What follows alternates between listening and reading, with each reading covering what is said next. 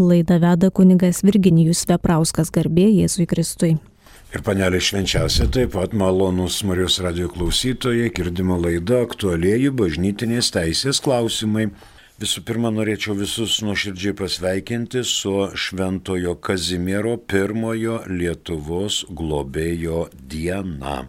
Na, o dabar eikime prie nepabaigto 1115 kanono.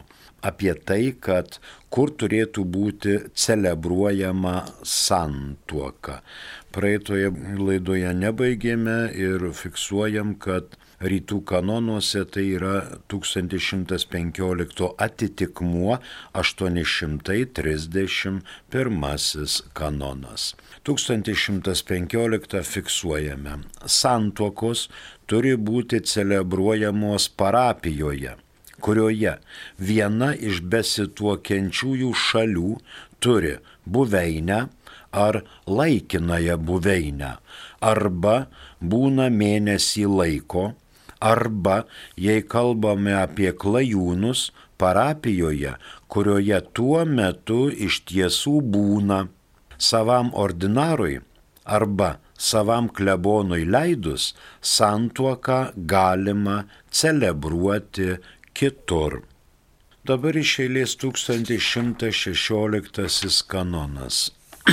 Jei asmuo kompetentingas pagal teisės normas asistuoti, negali dalyvauti arba nėra pasiekiamas be didelių sunkumų, tie, kurie nori sudaryti tikrą santuoką, gali ją sudaryti galiojamai ir teisėtai vien tik liudininkų akivaizdoje. Du atvejai. Pirmas - mirties pavojuje Antras, nesant mirties pavojaus, jei tik išmintingai numatoma, kad tokia situacija truks mėnesį. Ir antrasis, abiem atvejais, jei yra kitas, galintis dalyvauti kunigas ar diakonas, jis privalo būti pakviestas ir draugė su liudininkais dalyvauti santuokos celebravime, išlaikant santuokos galiojimą vien tik liudininkų akivaizdoje. 1116 iškelia sąlygas dėl ekstraordinarinio santuokos sudarimo. Kai objektyviai ordinariniu būdu santuoka celebruoti neįmanoma arba labai labai apsunkinama. Yra trys mintys. Turi patys sužadėtiniai turėti intenciją sudaryti tikrą santuoką ir pripažinti padarinius dėl santuokos sakramento. 1110. Asmeninis ordinaras ir klebonas pareigybės gale galiojamai asistuoja santuokoms tik tai tų, kurių bent vienas yra pavaldinys jo teritorijoje. Tai ir šita santuoka ekstraordinarinė turi įvykti tada, kai yra mirties pavojus arba neįmanoma pasiekti kvalifikuoto liudytojo ir šitokia situacija numatoma, kad truks mėnesį laiko. Čia aptariama 1116-ame ekstraordinarinė santokos forma. Tai yra tenkina tokiu būdu ekstraordinarinė forma tikinčiųjų poreikius. Ir antras dalykas - užkerta kelią piknaudžiavimui. Kad nebūtų piknaudžiaujama, žodžiu, nėra kvalifikuoto liudininko, negaliu sudaryti santuoką. Tikrai gali, jeigu išpildomas sąlygos. Kad nebūtų palikti tikintieji be bažnyčios globos. Antra mintis. Jei neįmanoma pasiekti kvalifikuoto liudytojo. Tai tos minėtos dvi sąlygos. Mirties pavojus, nebūtina, kad būtų mirties pavojus abiems sutuoktiniam. Užtenka, kad mirties pavojus grėstų vienam iš sutuoktinių, bet nereikia žinoma laukti agonijos. Ir jeigu šitas mirties pavojus po santuokos kažkokiu tai būdu praeina, tokia sudaryta santuoka galioja. Antra mintis, reiškia prie šitosios, gali būti kompetentingo, kvalifikuoto liudytojo nepasiekiamumas tiek fizinis, tiek moralinis. Jo neįmanoma pasiekti. Neįmanoma pasiekti kvalifikuoto liudytojo, kuris yra vyskupo ar klebono deleguotas. Ne tik jų abiejų vyskupo ar klebono, bet ir deleguoto asmens. Ir šitokia būklė turi numatoma, kad tęsis virš mėnesio laiko. Tai turėtų būti moralinis tikrumas. Jeigu mėnesį laiko tokia situacija trunka, galima sudaryti ekstraordinarinę santoką dviejų liudininkų akivaizdoje. Jeigu atsirastų anksčiau toksai liudininkas, nei iš šio, nei iš to, tokia santoka sudaryta galioja. Pavyzdžiui, numatoma, kad bus mėnesį laiko, o ten užšalo jūra, niekas netplaukia, niekas neatskrenta. Bet staiga po dviejų savaičių atitirpo jūra ir gali atplaukti kunigas. Po dviejų savaičių jisai atplaukė. Nesvarbu, santuoka galioja. E, mus pasiekė SMS žinutė, prašom. Garbėzui Kristui. Per amžius, amen. Sovietmečių tėvai susituokę nepriėmė santokos sakramento, nes tėvas buvo komunistas ar vaikai gimę tokioje santokoje pagal bažnyčios kanonus yra nesantuokiniai vaikai, klausė Marija. Ne Marija, tai yra tokioj santokoje gimę vaikai yra santuokiniai, kadangi jie e, žmogų sukuria Dievas. Žmogus žmogaus nepajėgia sukurti. Vaikai dėl to nekalti, kad tėvai nepaėmė santokos. Sovietmečių, kaip matote, jie aišku galėjo paimti santuoką. Komunistas, komjaunuolis, galėjo, galėjo slapta tą padaryti, daugybė žmonių slapčia nešė vaikus ir krikštyti, ir santokas paėmė. Gal jūsų situacija buvo kiek kitokia, bet vaikai nėra negaliojantis. Yra santokiniai vaikai. Visiškai aiškiai. Ačiū. Marija. Prie 1116 paaiškinimas 202 e, kanonas. Apie tai, kad mėnesį laiko, mėnesis laiko nėra skaičiuojamas matematiškai, tačiau manoma, kad apie 30 dienų. Mums į pagalbą ateina 202 kanonas. Teisėje diena suprantama kaip laikotarpis, kurį sudaro 24 valandos be pertraukos. Ir prasideda vidurnaktį, nebent aiškiai būtų nustatyta kitaip. Savaitė - septynių dienų laikotarpis. Mėnuo - 30 dienų laikotarpis ir metai 365 dienų laikotarpis. Nebent mėnesį ir metus reikėtų skaičiuoti kaip kalendoriuje. Antrasis. Jei laikas yra nenutrūkstamas, mėnuo ir metai visuomet skaičiuojami kaip kalendoriuje. Tai va dėl to mėnesio skaičiavimo. Dar, pavyzdžiui, civilinė bausmė grėsia už santokos palaiminimą kvalifikuotam liudytojui.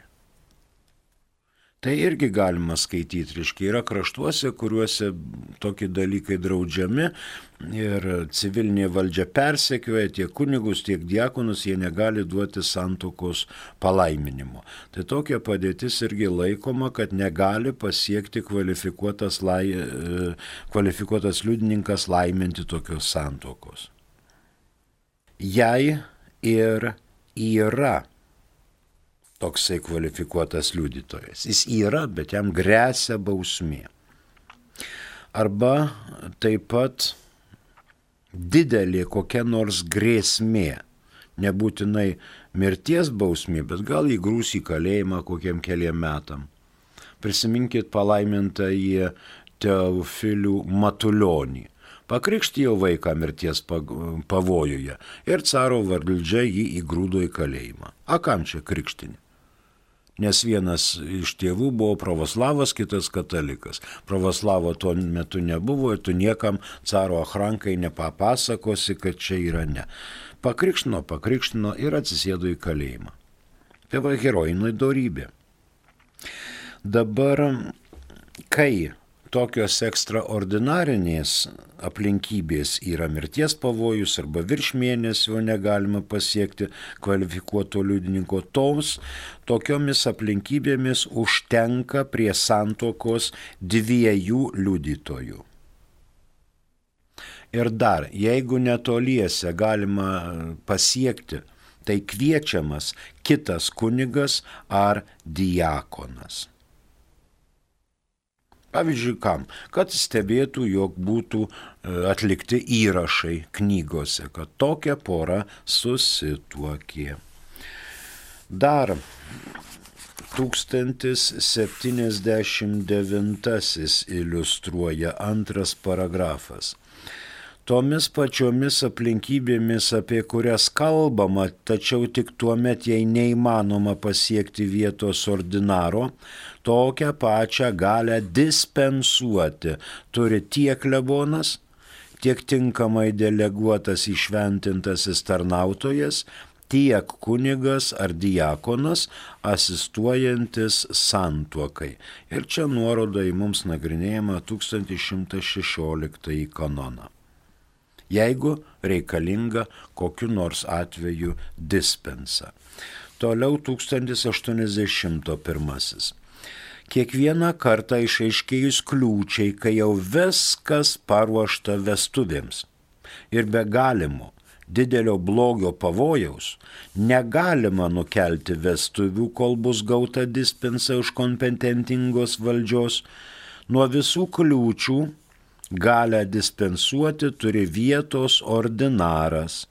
Ir jei atvejis būtų slaptas, visi, apie kuriuos čia aukščiau kalbamame kanone buvo nurodyta, laikantis ten nurodytų sąlygų. Aišku, vietos ordinaras negali dispensuoti nuo kunigystės šventimų. E, dabar rytų kanonuose 1116 atitikmuo yra 832. 1116 fiksuojame.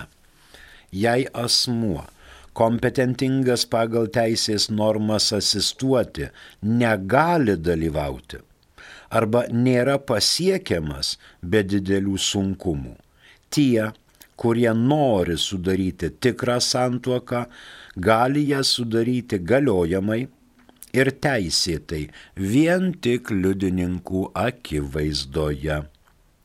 Pirma, mirties pavojuje. Antra, nesant mirties pavojaus, jei tik išmintingai numatoma, kad tokia situacija truks mėnesį. Antrasis paragrafas abiem atvejais, čia aukščiau uždėstytais, jei yra kitas, galintis dalyvauti kunigas ar diakonas, jis privalo būti pakviestas ir draugė su liudininkais dalyvauti santuokos celebravime, išlaikant santuokos galiojimą vien tik liudininkų akivaizdoje. Kitas 1117.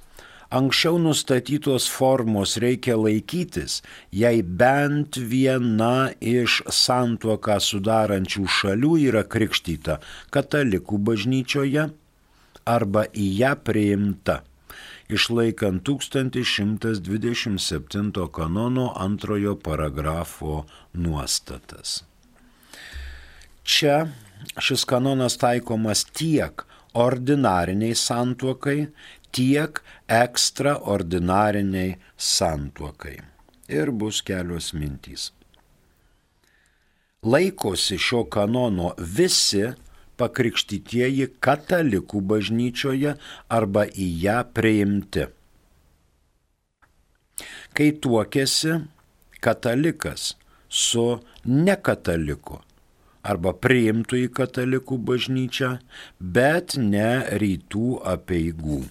O dėl rytų apieigų eina kitas 1127. Pirmas paragrafas.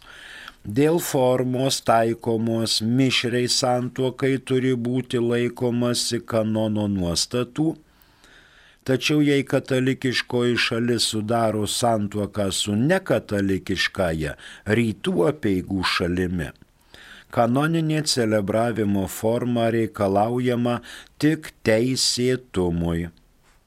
Galiojimui reikalaujama išventintojo tarnautojo dalyvavimo, laikantis kitų teisės reikalavimų.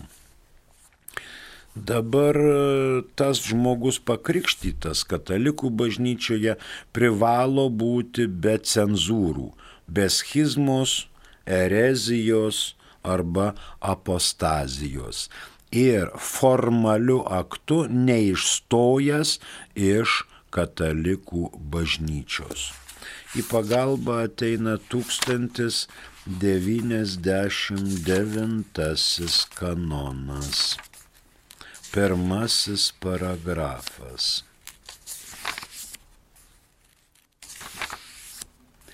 Klaida dėl santuokos vienatinumo ar neišardomumo arba dėl santokos sakramentinės garbės, jei tik neapsprendžia valios, nepažeidžia santuokinio sutikimo. Žodžiu, turi būti išleidžiama mm, e, santokoje pripažintama vienumas ir neišardomumas. Šita forma yra pasirinkta tokia, kad nedidėtų negaliojančių santuokų skaičius nes būna ypatingai kraštuose, pavyzdžiui, Austrijoje, Vokietijoje, žmogus išstoja formaliu aktu iš katalikų bažnyčios tam, kad nemokėtų mokesčių. Jis neišstoja, kad jis ko nors netikė, jis ir toliau dušioje lieka katalikas, bet jo šeiminė padėtis yra sunki, jis rašto raštą išstoja iš katalikų bažnyčios, kad nereikėtų ją mokėti mokesčių. Tai va šitas įstojimas nėra formalus išstojimas iš bažnyčios. Čia jis neįpuola nei į schizmą, nei į, e, reiškia, kitą cenzūrą kaip apostaziją arba ereziją, bet jis tik nenori mokėti mokesčių. Tai nėra formalus išstojimas. Jam netaikomi tie dalykai. Tam, kad, kaip minėjau, nedidėtum negaliojančių santokų skaičius. 1071 pirmo paragrafo ketvirtas numerėlis iliustruoja. Jei nėra būtinybės, be vietos ordinaro leidimo niekas neturi asistuoti. Santuokai to, kuris akivaizdžiai atsisakė katalikų tikėjimo. 1071 pirmo paragrafo ketvirtas numerėlis akivaizdžiai atsisakė katalikų tikėjimo. tie, kurie atsisako kataliko tikėjimo dėl mokesčių, jie lieka ontologiškai bažnyčios glėbyje. Po 2006 m. kovo 13 dienos šio Benedikto popiežiaus laikai išstojimas iš katalikų bažnyčios turi teisinius padarinius. Tada ir trys dalykai kai asmuo savo viduje nusprendžia išstoti iš katalikų bažnyčios, o ne nuo mokesčių mokėjimo. Kai asmuo tą pareiškia viešai ir kai šitą pareiškimą bažnyčia priima. Jeigu bažnyčia to nepriima, tai skaitoma toksai blūdinimas. Mums į pagalbą ateina dar 204 ir 205 kanonai. Kristaus tikintieji yra tie, kurie krikštu įjungti į Kristų buvo suburti į Dievo tautą ir dėl to savaip tapę Kristaus kunigiškosios, pranašiškosios ir karališkosios pareigos dalyviais yra pašaukti, kiekvienas pagal savo padėtį, į misiją, kurią atlikti pasaulyje Dievas pavedė bažnyčiai. 205. Ar gal, galima 204 antrąjį paragrafą. Toji bažnyčia šiame pasaulyje įsteigta ir sutvarkyta kaip bendruomenė laikosi katalikų bažnyčioje, valdomojo Petro įpėdinio ir bendrystėje su juo esančių viskupų. 205. Visiškoje bendrystėje su katalikų bažnyčia šioje žemėje yra tie pakrikštytieji, kurie tikėjimo išpažinimo, sakramentų, ir bažnyčinio valdymo ryšiais jos regimoje sąrangoje yra susijęti su Kristumi. Dabar, jeigu tą poelgį asmo nusprendžia savo viduje, viešai pareiškia ir bažnyčia priima tą jo mintį, tai po tokio poelgio bausmė gali sekti tam tikinčiajam - apostazija, erezija ar schizma. Tačiau bažnyčia privalo per dialogą iš, išaiškinti asmeniui šito dalyko pasiekmes. Bet ne dėl mokesčių, kaip minėjau, tiek Vokietijoje, tiek Austrijoje. Dabar popiežius Benediktas XVI šiek tiek pakeitė ir jūs jau girdėjote novelizuotą versiją galim pasižiūrėti, iliustruoja 1124 kanonas. Santuoka dviejų pakrikštytų asmenų, kurių vienas pakrikštytas katalikų bažnyčioje arba į ją priimtas po krikšto, o kitas priklauso bažnyčiai ar bažnytiniai bendruomeniai neturinčiai visiškos bendrystės su katalikų bažnyčia negali būti celebruojama be aiškaus, kompetentingos vadovybės leidimo. Dar galime žvilgterėti į 1086 kanoną santuoka dviejų asmenų, kurių vienas yra pakrikštytas katalikų bažnyčioje arba į ją priimtas, o kitas nekrikštytas, yra negaliojanti. Dar vienas, tai liktai vienuoliktasis kanonas. Grinai, bažnytiniai įstatymai įpareigoja pakrikštytuosius katalikų bažnyčioje arba į ją priimtuosius, turinčius pakankamą protinį suvokimą ir jei teisės nėra aiškiai nustatyta kitaip, sulaukusius septyniarių metų amžiaus. E, mus pasiekė žinutė, prašom. Ar galima tuokti su savo krikštatėviu ar sutvirtinimo globėju? Čia yra svainystės ryšiai ir negalima su savo krikštatėviu. Nes krikštatėvis įsipareigoja pakrikštyjamąjį užauginti ir uža, išauklėti. Ir jeigu tikrieji tėvai miršta, krikštatėvis pasiima šitą asmenį, kad ir mažą, kad ir nesulaukusi pilnametystės, ir užaugina savo šeimoje. O dabar sutvirtinimo globėjų. Tai manau, kad galima nes sutvirtinimo globėjas įsipareigoja ne kaip tėvas arba motina. Ir tai nėra jau svainystės ryšiai.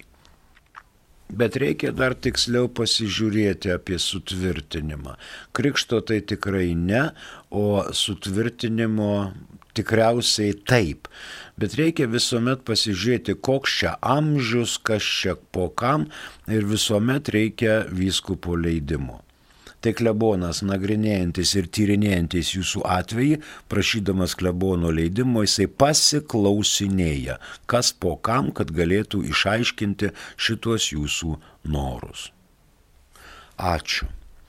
Dar viena žinutė, prašom. Norėjome paklausti, kur parapija yra žmogui, kuris neturi pastovios gyvenamosios vietos. Dešimt metų senumo registracijos anspaudas likęs pase, bet ten jau aštuoneri metai negyvena. Matot, Šventoji Romos katalikų bažnyčia neišdavinėja pasų. Neišdavinėja pasų. Ir štampų į pasus nedėlioja apie gyvenamą vietą. Katalikų bažnyčia sprendžia apie žmogaus gyvenamą vietą, kur jis yra deklaravęs parapijoje. Tokia yra status animarum. Atvažiavo, atsikėlė žmogus į parapiją, iš to pirminio klebono gavo raštelį, kad jis išvažiuoja, tam į kur atvažiavo, nuneša klebono ir sako, štai aš atvykau jūsų parapiją klebonę, gyvensiu toj gatvėje, tokiu numerėliu, priimk mane ir įrašyk į parapiečių sąrašus. Tai va šitaip. O dabar jeigu dešimt metų jis neaišku kur, tai jeigu jis nori sudaryti santoką, tai jo klebonas yra tas klebonas, kurio vietoje jisai šiuo metu yra. Pavyzdžiui, prie to konteinerio arba po tuo tiltu. Ir jeigu jis labai trokšta sudaryti santoką, jis turi kreiptis į tą kleboną, kur yra tiltas ar konteineris ir sakyti, aš čia gyvenu. Ir privalo gauti ne tik klebono, bet ir vyskupo leidimą santuokai. Tik jis aišku turi įrodyti, kuriom, prie kurio konteinerio arba po kuriuo tiltu gims vaikai ir kaip jisai užtikrins tų vaikų ugdymą ir krikščionišką auklėjimą. Tai va čia tokia maždaug forma yra. O pasas tai čia mes žiūrim ne į deklaruojamą vietą pagal civilinius įstatymus. Mes žiūrime į deklaruojamą vietą pagal bažnytinius įstatymus, kur jisai realiai gyvena. Pavyzdžiui, žiemą gyvena ten, o vasarą gyvena čia. Tai yra mišrus priklausomumas. Reiškia ir tas klebonas, kur žiemą, ir tas, kur vasarą. Vienur yra gyvenama vieta, kitur yra tarsi gyvenama vieta, bet jisai priklauso ir ten. Jis rodo dokumentų, štai mano turtelis, namelis ten, ar, ar vasarnamis, ir dar kaip nors. Ačiū. Na, kažkas dar yra, prašom. Viktorija klausia. Norėjau paklausti, ar galima tapti krikšto mama savo seseriai, man 16 metų. 16 metų. Tai krikšto mama gali būti jau nuo 16 metų, nebent klebonui atrodytų kitaip. Tarkim, jums 15 metų ir 9 mėnesiai. Ir klebonas mato, kad jau reiškia jūs gebate daug ką, ir sugebėsite seserį užauginti, kiek ten tai seseriai, ten 2 metukai ar 11 metų, neturi reikšmės, jeigu yra krikštimas, klebonas gali drąsiai leisti. Drąsiai leisti ir seseriai būti krikšto mama. Nėra būtini du krikšto tėvai - tėvas ir motina užtenka ir pilnai užtenka krikšto mamos. Ir nebūtinai ar tai berniukas, ar tai mergaitė būtų vaikas, krikšto mama gali būti viena. Lygiai ir krikšto tėtis gali būti vienas, nelygu, ar krikštijamasis yra berniukas, ar krikštijamasis yra mergaitė. Galima, taip. Primenu, kad girdite Marijos radiją, tai dabar apie bausmes. 1364 kanonas. Dėl bausmės apostatas, eretikas ar schizmatikas užsitraukia ekskomunikaliatį sentenciją, liekant kano, galioti kitiems kanonams nuostatai, bet to dvasininkas gali būti baudžiamas bausmėmis, apie kurias kalbama kituose kanonuose. Jei reikalauja ilgalaikis nepaklusnumas, ar papiktinimo sunkumas gali būti pridėtos ir kitos bausmės, taip pat ir pašalinimas iš dvasininkų luomo. Čia dėl dvasininkų. O apostazija, erezija ir schizma gali būti užtraukiama tam asmeniui, kuris dėl kokios tai priežasties atsisako tikėjimo katalikų, netiki į kokią nors dogmą arba bažnytinę tiesą. Dabar dar ateina į pagalbą 535 kanonas, antras paragrafas. 5, 3, 5. Pakrikštytųjų knygoje taip pat turi būti pažymėtas sutvirtinimas ir tai, kas priklauso Kristaus tikinčiųjų kanoniniam statusui susijusiam su santuoka, įvaikinimu, taip pat ir šventimais, ir vienuoliniais įžadais institute atliktaisiais, atliktąją amžinąją profesiją, rito pakeitimu, šios pastabos visuomet įrašomos į krikšto liudijimą. Tai va apie pakeitimus. Bet matot, po karo mm, pas mus, po antrojo pasaulinio karo buvo vyskupam šiek tiek leista daugiau ir jie nereikalavo labai įrašinėti į krikšto metrikų knygas ne tik pačių įrašų, bet ir apie tokius statusus. Nes ten Liaudės gynėjai galėjo bet kada užeiti ir sakyti, klebonė rodi knygas, parodi kokios čia pavardės, kas čia eina, kas čia neina, kas čia kur ką padarė, sudarė, priejo, nepriejo.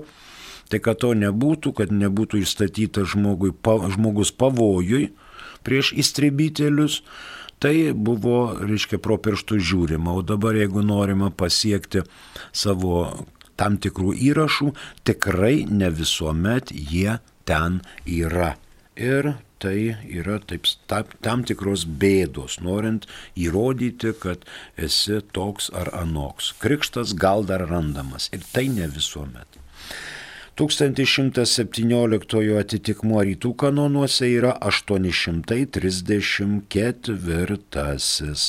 1117 fiksuojame aukščiau nustatytos formos reikia laikytis, jei bent viena iš santuoką sudarančių šalių yra krikštyta katalikų bažnyčioje arba į ją priimta, išlaikant 1127 kanono antro paragrafo nuostatas. Na, liko mums nekaži kiek, gal pradėkim dar 1118. Jeigu neturim nei žinučių, nei klausimų. Katalikų arba katalikiškosios šalies ir krikštytos nekatalikiškosios šalies santuoka turi būti celebruojama parapinėje bažnyčioje kitoje bažnyčioje ar oratorijume gali būti celebruojama leidus vietos ordinarui ar klebonui. Antrasis, vietos ordinaras gali leisti santuoką celebruoti kitoje, tinkamoje vietoje. Ir trečiasis, katalikiškosios šalies ir nekatalikiškosios šalies santuoka gali būti celebruojama bažnyčioje ar kitoje tinkamoje vietoje. Čia 1118 kalba apie santokos celebravimo vietą. Ji priklauso nuo santoką sudarančių asmenų stovio. Pirmas dalykas - katalikas su kataliku ir katalikas su pakrikštytuoju.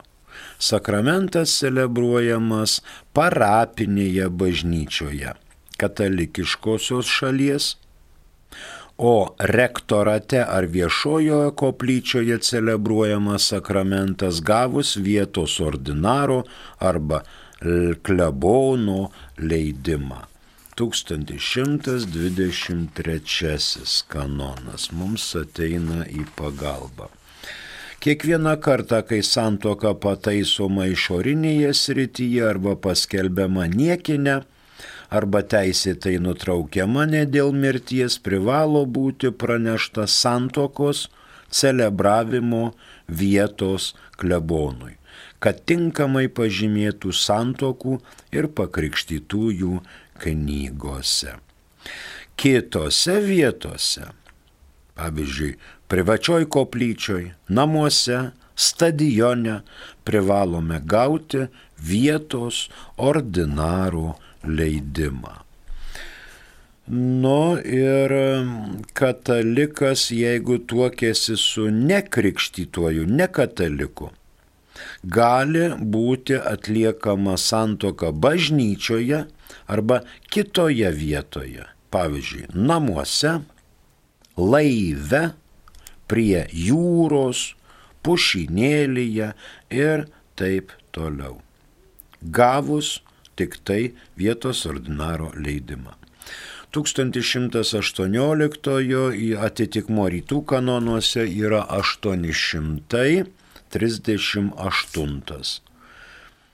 18 dar suspėsim pafiksuoti ir jau mūsų laikas baigėsi katalikų arba katalikiškosios šalies ir krikštytos nekatalikiškosios šalies santuoka turi būti celebruojama parapinėje bažnyčioje, kitoje bažnyčioje ar oratorijume gali būti celebruojama leidus vietos ordinarui ar klebonui.